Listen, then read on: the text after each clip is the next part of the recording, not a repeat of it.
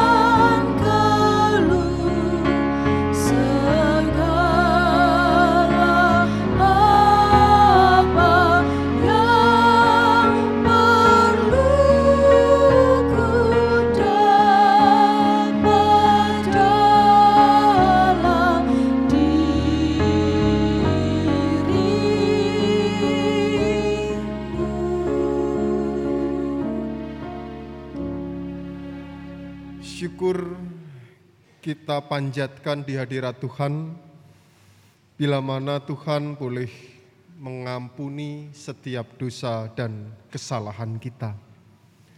Saat ini kita bersama akan menerima berita anugerah dan petunjuk hidup baru, di mana berita anugerah dan petunjuk hidup baru yang kita terima saat ini diambil dari 1 Petrus 1 ayat 3 sampai ayatnya yang kelima. 1 Petrus 1 ayat 3 sampai 5 yang demikian firmannya.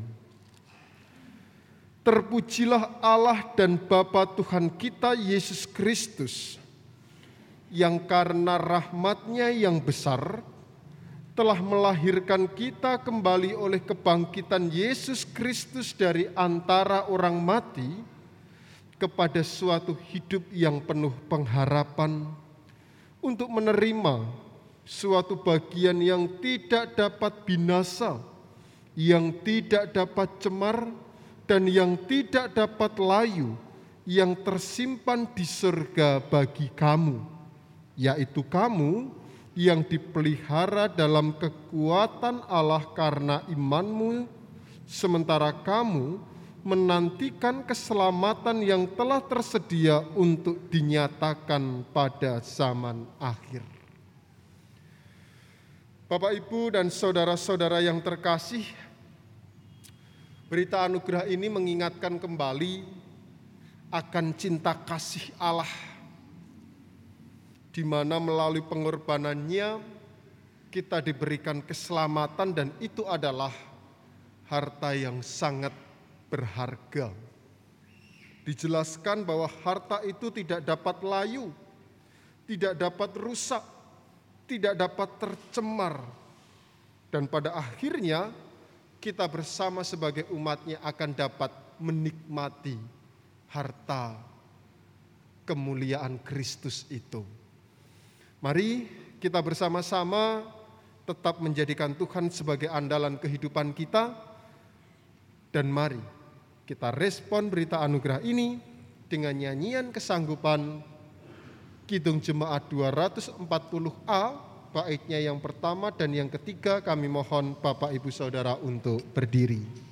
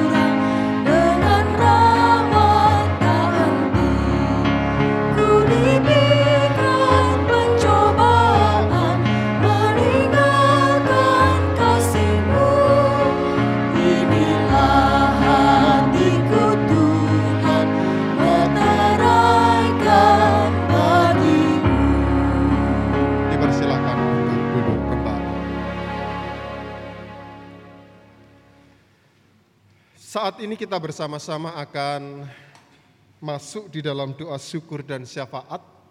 Mari kita menyiapkan hati, kita berdoa.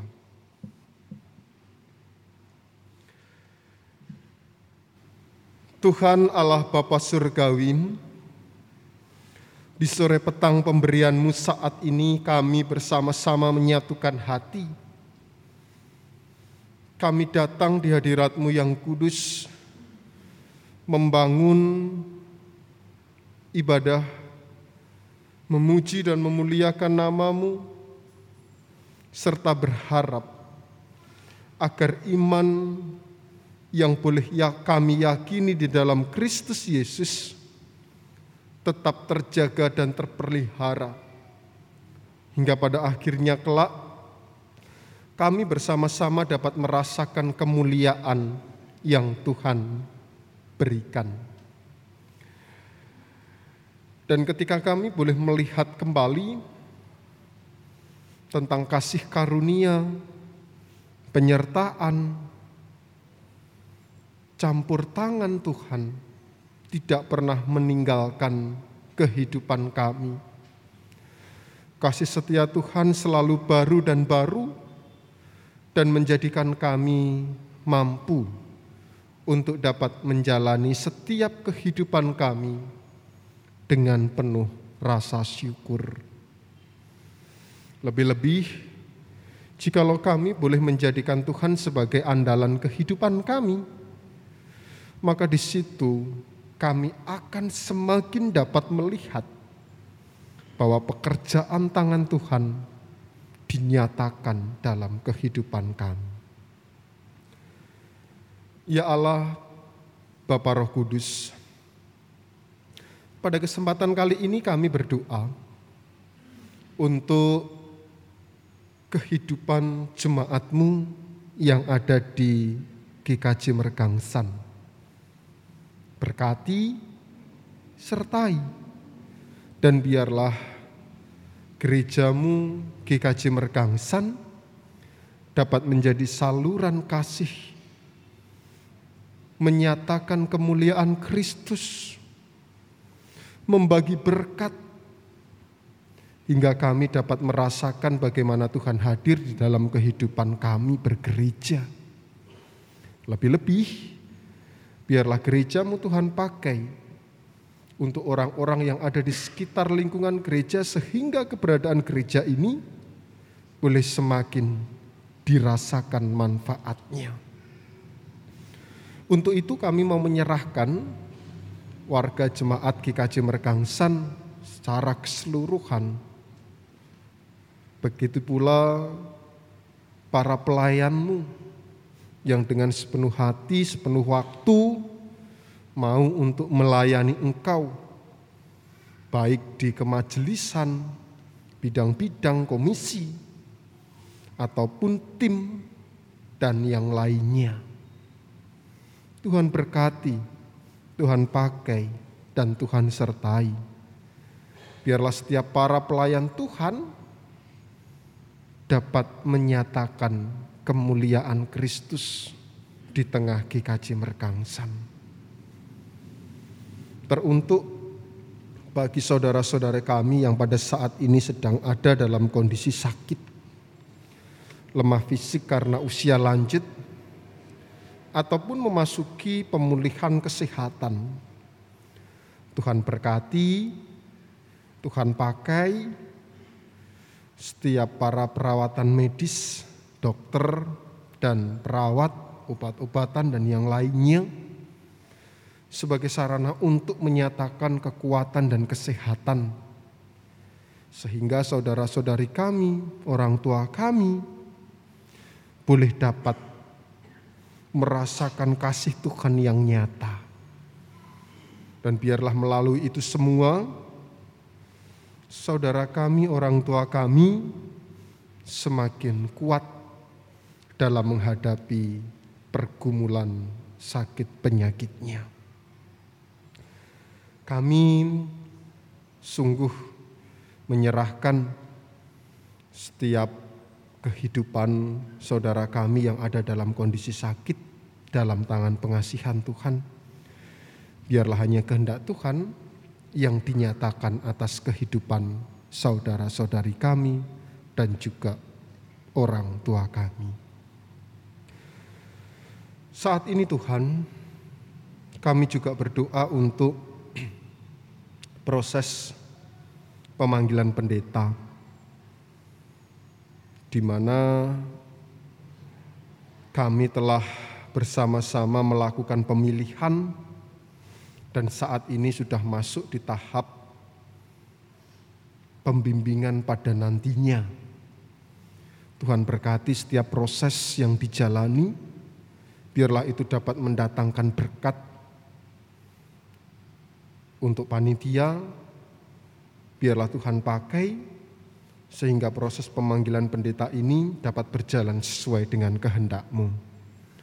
Dan untuk saudari Krisnur Cahyani, Tuhan juga perlengkapi.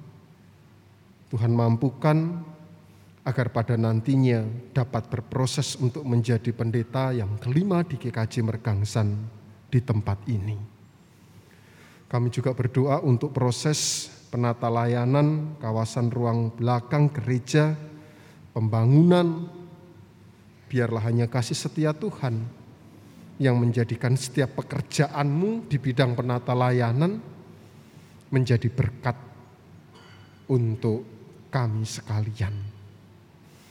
Tuhan Bapa Surgawi, kami pada kesempatan kali ini tak lupa juga berdoa untuk kehidupan teman-teman mahasiswa kami yang pada saat ini merantau dari luar kota ke Yogyakarta untuk menimba ilmu.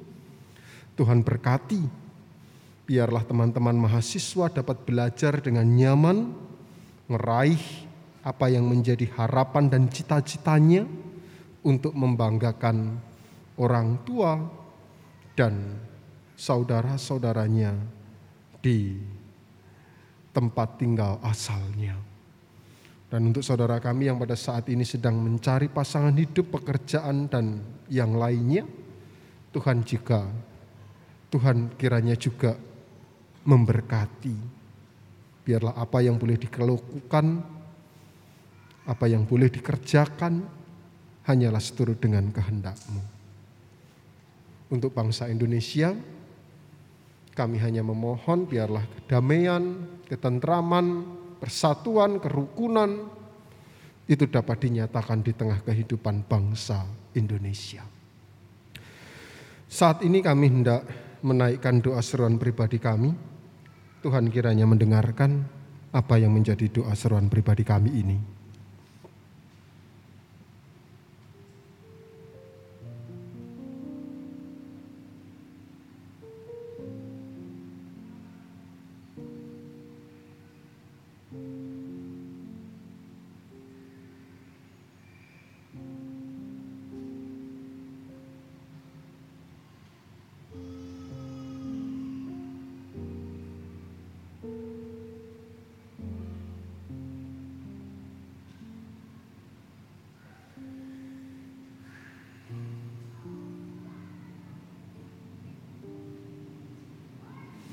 Inilah doa kami Tuhan, segala doa ungkapan syukur yang kami naikkan di dalam doa syafaat ini, biarlah hanya kehendak Tuhan yang dinyatakan.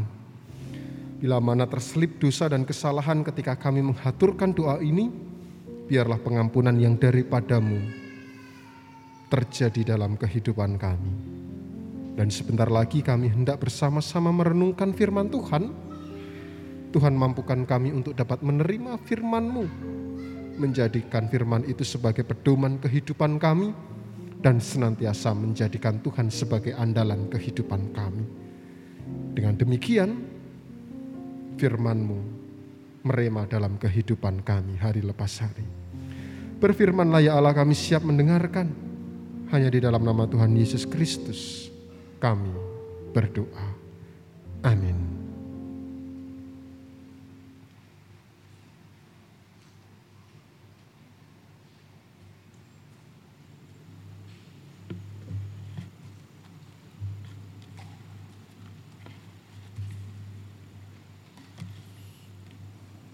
Jemaat yang terkasih, perkenankan kami membacakan bacaan pertama Sabda Tuhan yang diambil dari usia 11 ayat 1 sampai 11. Begini firman Tuhan.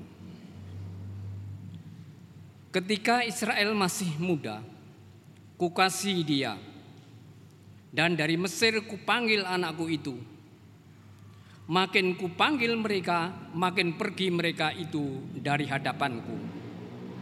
Mereka mempersembahkan kurban kepada para Baal dan membakar membakar kurban kepada patung-patung. Padahal akulah yang mengajar Efraim berjalan dan mengangkat mereka di tanganku. Tetapi mereka tidak mau insaf bahwa aku menyembuhkan mereka. Aku menarik mereka dengan tali kesetiaan, dengan ikatan kasih. Bagi mereka aku seperti orang yang mengangkat kuk dari tulang rahang mereka. Aku membungkuk kepada mereka untuk memberi mereka makan. Mereka harus kembali ke Mesir dan Asur akan menjadi raja mereka sebab mereka menolak untuk bertobat. Pedang akan mengamuk di kota-kota mereka, akan memusnahkan palang-palang pintu mereka, dan akan memakan mereka di benteng-benteng mereka. Umatku betah dalam membelakangi aku. Mereka memanggil kepada Baal untuk berhenti meninggalkan namaku Masakan aku membiarkan engkau, hai Efraim? Menyerahkan engkau, hai Israel? Apakah aku membiarkan engkau seperti Adnama, membuat engkau seperti Zeboim? Hatiku berbalik dalam diriku, belas kasihanku bangkit serentak. Aku tidak akan melaksanakan murkaku yang menyala-nyala itu tidak akan membinasakan Efraim kembali. Sebab aku ini Allah dan bukan manusia yang kudus di tengah-tengahmu dan aku tidak datang untuk menghanguskan. Mereka akan mengikuti aku Tuhan. Ia akan mengaum seperti singa. Sungguh ia akan mengaum. Maka anak-anak akan datang dengan gemetar dari barat seperti burung dengan gemetar datang dari Mesir dan seperti merpati dari tanah Asyur. Lalu aku akan menempatkan mereka lagi di rumah-rumah mereka. Demikian firman Tuhan. Syukur kepada Allah.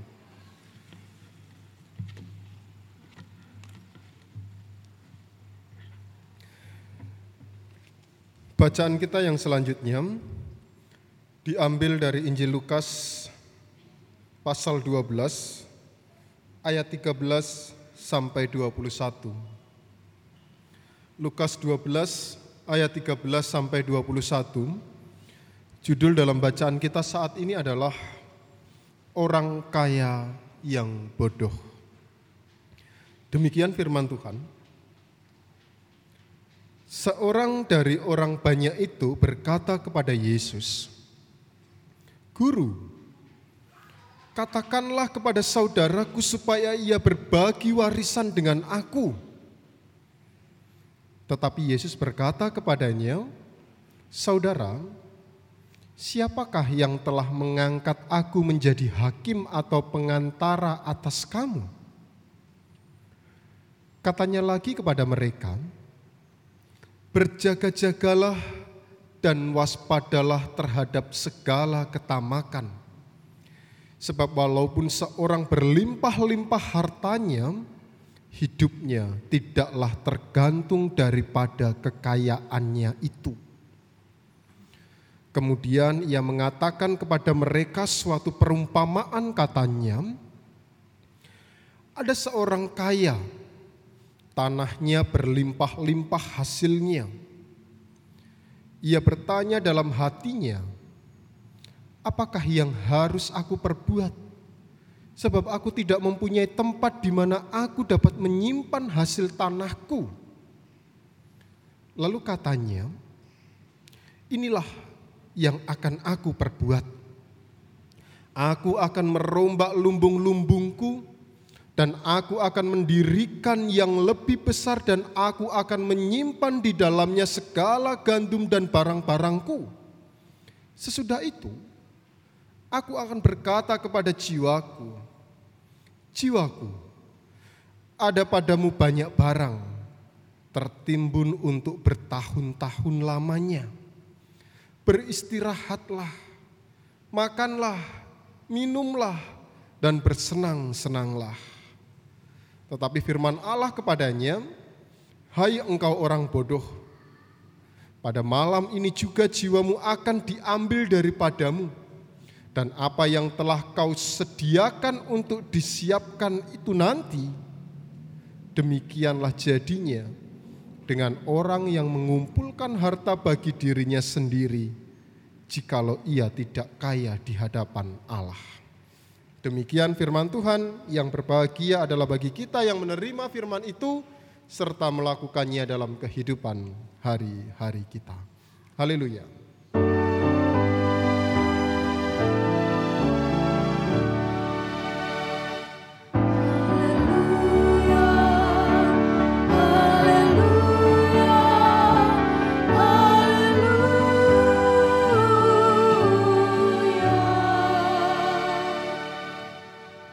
Shalom. Bapak, Ibu, dan saudara-saudara yang terkasih di dalam Tuhan kita Yesus Kristus, ketamakan atau keserakahan. Kalau kita melihat kembali, sudah berapa banyak orang yang menjadi korban atas keserakahan dan ketamakan. Lebih-lebih jikalau hal itu kemudian mengangkat atau menyangkut harta. Karena ketamakan seseorang hubungan saudara bisa jadi rusak. Apa ada? Ada. Misalkan, dalam situasi seseorang kalau boleh dikatakan orang tua yang punya anak, kemudian orang tua tersebut meninggal, dan semasa hidupnya ia tidak membagi hartanya kepada anaknya, maka jikalau kemudian seorang anak itu punya ketamakan di dalam hatinya, itu akan menjadikan hubungan mereka hancur. Mungkin anak yang pertama akan menganggap dulu ketika saya dibesarkan bersama dengan orang tua, orang tua belum punya rumah ini. Sehingga saya ikut rekoso, ikut nyambut gawe, ikut bekerja untuk memperoleh rumah ini. Jadi sudah selayaknya jikalau kemudian orang tua kita meninggal, jatah saya lebih besar daripada adik-adik saya. Tidak satu dua orang saja yang pernah mengalami hal itu. Dan bahkan juga ada yang orang tuanya belum meninggal tetapi anaknya wis njaluk hartane. Setelah itu orang tuanya ditelantarkan karena tidak punya tempat tinggal. Diminta untuk tinggal di panti dan bahkan sampai meninggal di panti. Ironis bukan?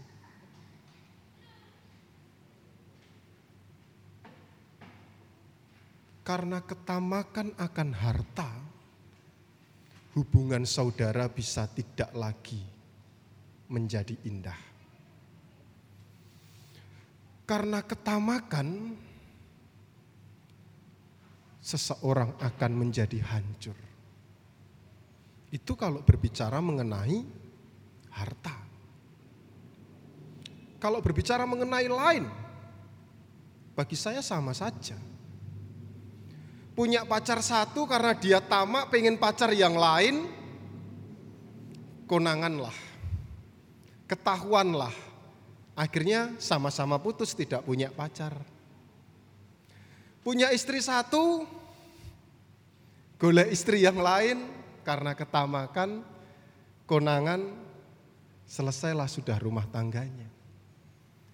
Alasannya apa? Kalau misalkan seseorang itu pacarnya satu masih kurang. Oh lawang motor saja, eh sorry, mobil saja punya ban serep kok apalagi manusia. Seringkali itu yang kemudian dipakai alasan. Tetapi itu sudah menunjukkan ada indikasi ketamakan di dalam kehidupannya. Ketamakan atau keserakahan menurut saya itu seperti halnya judi. Menurut saya. Karena di situ tidak akan ada rasa puas seseorang hendak mencari sesuatu yang lebih, sesuatu yang lebih, sesuatu yang lebih. Kalau tadi saya mengatakan ibarat sebuah judi, ya mungkin bisa dikatakan taruhannya kecil di awal. Ia menang, punya pengharapan ketika nanti taruhannya besar lebih dapat hasilnya lebih banyak. Akhirnya ia pasang yang lebih besar, menang lagi, dia akan taruh lebih besar lagi dengan harapan mempunyai keuntungan yang lebih banyak lagi. Pasang lagi yang lebih besar lagi, bahkan seluruh harta bendanya kemudian dipasang untuk taruhan. Dan pada akhirnya loss. Penyesalan itu yang kemudian muncul. Beberapa artis sudah tercerat akan hal itu yang dulunya sering kali muncul di TikTok dengan mengatakan murah banget dan sebagainya. Beberapa tokoh-tokoh pejabat yang karena kasus koruptor yang harus memakai seragam orange itu adalah bentuk-bentuk ketamakan, keserakahan yang kemudian akan menghancurkan kehidupan seseorang. Karena memang pada dasarnya manusia itu tidak akan pernah puas. Ya sebenarnya kalau kemudian seseorang itu tidak pernah puas akan pencapaiannya tidak masalah. Tetapi kemudian perlu dilihat kembali agar dia tidak jatuh pada ketamakan atau keserakahan. Dua bacaan kita pada saat ini juga menjelaskan akan hal itu. Yang pertama berbicara mengenai kisahnya bangsa Israel yang ditulis dalam kitab Hosea. Karena ketamakan itulah kemudian bangsa Israel tidak mau taat kepada Tuhan. Oleh karena itu Tuhan berseru. Jikalau tidak ada pertobatan maka mereka akan dikembalikan lagi kepada Mesir. ketamakan itu bisa saja membuat bangsa Israel kemudian menjadi hancur. Lalu yang kedua, dari bacaan kita Lukas disebutkan di situ perumpamaannya adalah orang kaya yang bodoh. Ketika sedang berkerumun kemudian ada seorang yang menghampiri Yesus, ia meminta kepada Yesus agar saudaranya membagi harta warisnya. Artinya dari sini kita dapat melihat orang tuanya itu bisa dipastikan sudah meninggal. Dan kemudian ia tidak mendapatkan bagian dari harta waris orang tuanya hingga kemudian ia mengadu kepada Yesus dengan harapan Yesus memberikan keputusan yang bijaksana sehingga saudaranya mau untuk membagi hasil warisannya itu. Lalu yang menarik adalah Yesus menjawab, "Siapakah dirinya yang bisa mengangkat menjadi orang hakim?" Yesus tidak ingin berurusan dengan hal itu. Karena itunya eh, karena pada akhirnya hal itu bisa jadi membuat hubungan persaudaraan menjadi tidak baik. Dan kemudian setelah itu Yesus mengatakan dengan jelas agar setiap orang itu dapat waspada dan berhati-hati. Ungkapan kewaspadaan dan berhati-hati termasuk juga berjaga-jaga itu kemudian diperlengkapi dengan sebuah perumpamaan orang kaya yang bodoh yang punya tanah yang luas hasilnya melimpah. Lumbungnya pada saat itu kecil kemudian ia menjadi bingung untuk ditaruh mana kembali hasil tanah yang melimpah itu. Dan akhirnya ia mempunyai sebuah gagasan, sebuah ide untuk merombak lumbungnya menjadi besar agar hasil tanahnya itu bisa dimasukkan secara keseluruhan di lumbung yang besar tadi. Kemudian ia mengatakan, hei jiwaku ada banyak sekali makanan, bersenang-senanglah dan sebagainya, tetapi ia tidak tahu bahwa di malam hari itu juga Tuhan akan mengambil nyawanya. Lalu untuk siapakah harta itu? Di situ kemudian Yesus menegaskan kembali agar seseorang benar dapat berhati-hati. Pertanyaannya adalah bagaimana caranya agar kita terhindar dari ketamakan atau keserakahan. Paling tidak menurut saya ada dua hal yang perlu untuk kita lihat bersama agar kita terhindar dari keserakahan ataupun ketamakan itu. Yang pertama berbicara mengenai kontrol diri. Seseorang yang mampu mengontrol dirinya pasti dia akan terhindar dari ketamakan. Tetapi kalau kontrol dirinya sudah lepas, sudah blong, sudah tidak ada remnya, maka ia akan gampang sekali tergiur oleh hasutan-hasutan, persuasi-persuasi yang disampaikan oleh orang lain. Makanya kemudian kontrol diri itu menjadi suatu hal yang penting untuk menjadi peran dalam terhindarnya sebuah keserakahan. Dan kontrol diri itu juga berbicara mengenai sisi positif dan negatif ketika ia melakukan segala sesuatu Artinya seseorang yang punya kontrol diri yang baik dia pasti akan mempertimbangkan terlebih dahulu positif dan negatif akibat dari apa yang nantinya hendak ia lakukan. Tidak kemudian semata-mata ya wis ikut, ya wis ikut dan yang lainnya. Itu yang pertama. Lalu yang kedua, seperti halnya tema kita saat ini, Tuhan andalan utama hidupku mengandalkan Tuhan dalam setiap kehidupan itu juga bisa menjadi kunci agar kita terhindar dari keserakahan, ketamakan.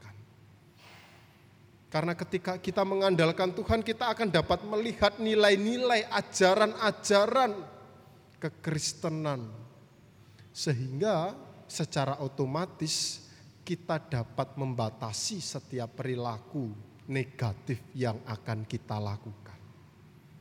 Semakin dekat orang itu sama Tuhan, semakin dia senantiasa mengandalkan Tuhan, maka kontrol dirinya tadi itu akan semakin baik.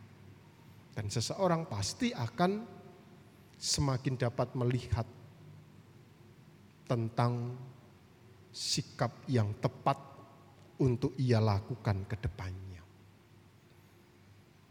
Nah, oleh karena itulah pada kesempatan kali ini kita diajak bersama untuk melihat apakah kita juga sering kali jatuh dalam sebuah ketamakan Ingatlah bahwa ketamakan itu akan membawa kita pada kehancuran. Tuhan tidak melarang kita untuk menjadi kaya kok. Tetapi perlu berhati-hati. Perlu kontrol diri dan perlu senantiasa menjadikan Tuhan sebagai andalan kehidupan kita. Dengan demikian, hidup kita akan ada di dalam sejahtera Tuhan. Amin. Saat teduh bagi kita sekalian.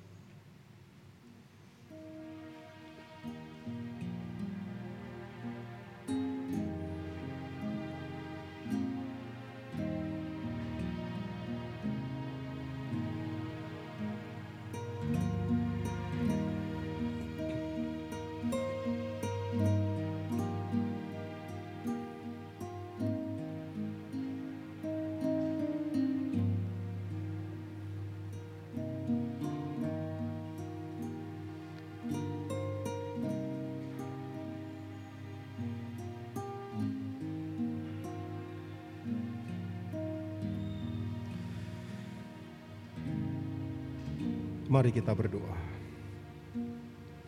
Ya Tuhan, Allah Bapa Surgawi,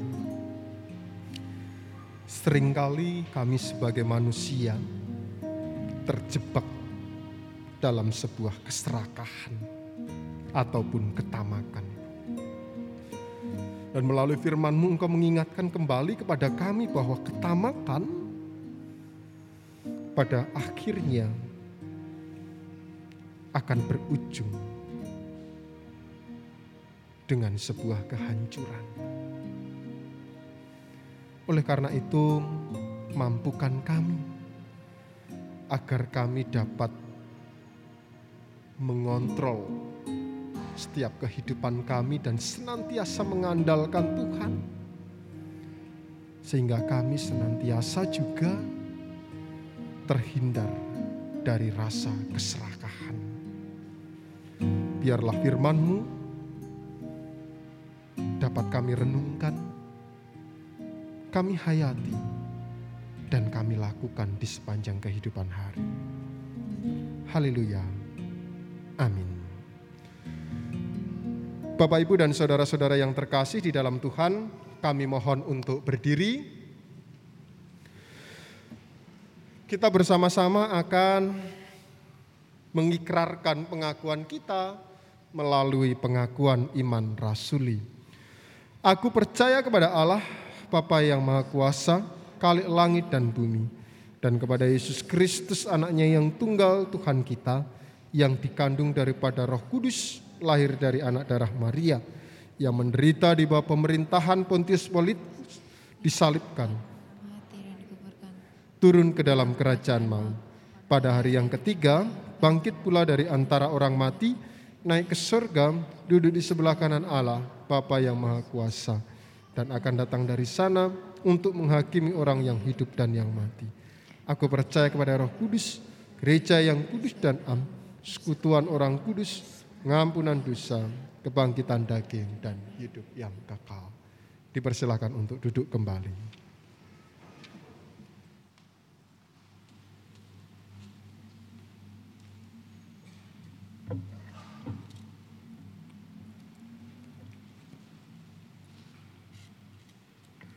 Jemaat yang terkasih dalam Tuhan Yesus, saat ini kita diberi kesempatan untuk memberikan persembahan sebagai ungkapan rasa syukur kita atas berkat Tuhan.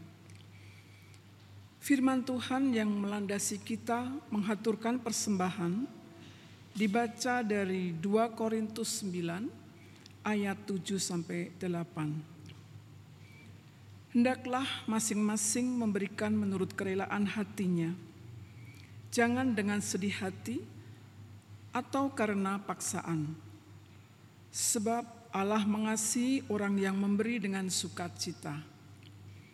Dan Allah sanggup melimpahkan segala kasih karunia kepada kamu, supaya kamu senantiasa berkecukupan di dalam segala sesuatu dan malah berkelebihan di dalam berbagai kebijakan, kebajikan. Nyanyian persembahan akan dinyanyikan dari pujian KJ 393 ayat 1 dan 3. Pada pertama kita nyanyikan bait pertama kemudian beredarnya kantong diiringi instrumentalia dan baru kita lanjutkan bait ketiga.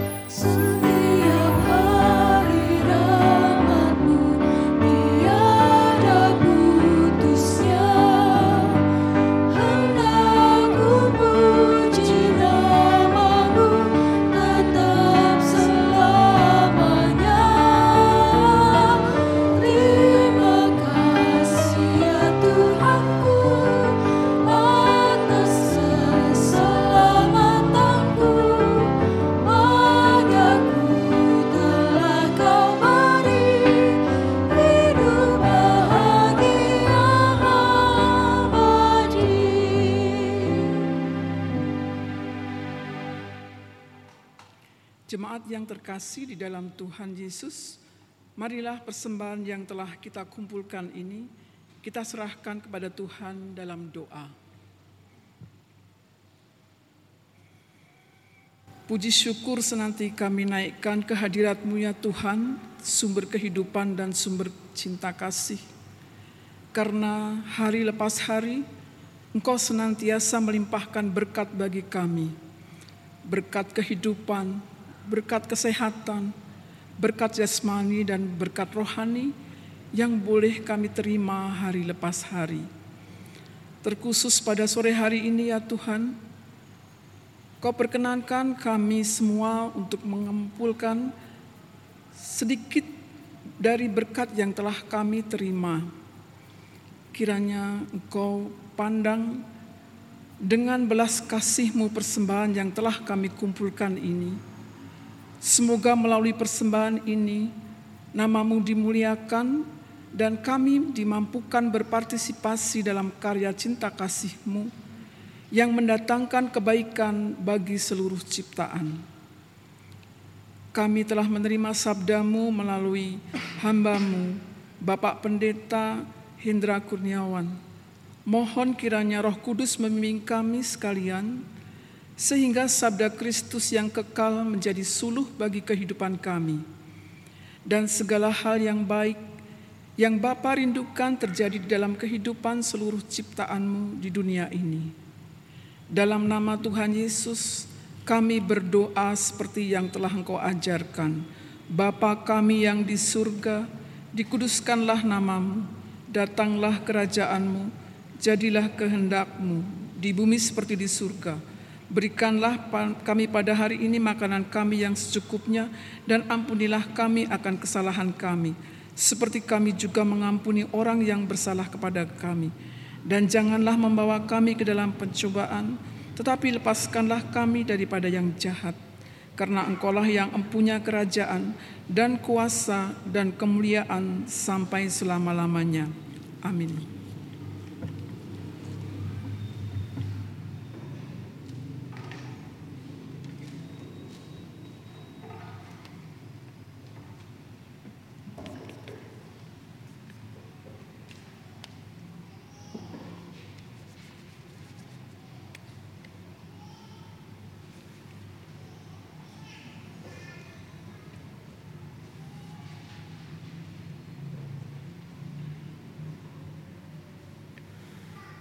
Kita masuk dalam pengutusan, bersama-sama kita akan memuji nama Tuhan, hitung jemaat 107, baitnya yang pertama dan yang keempat kami mohon jemaat berdiri.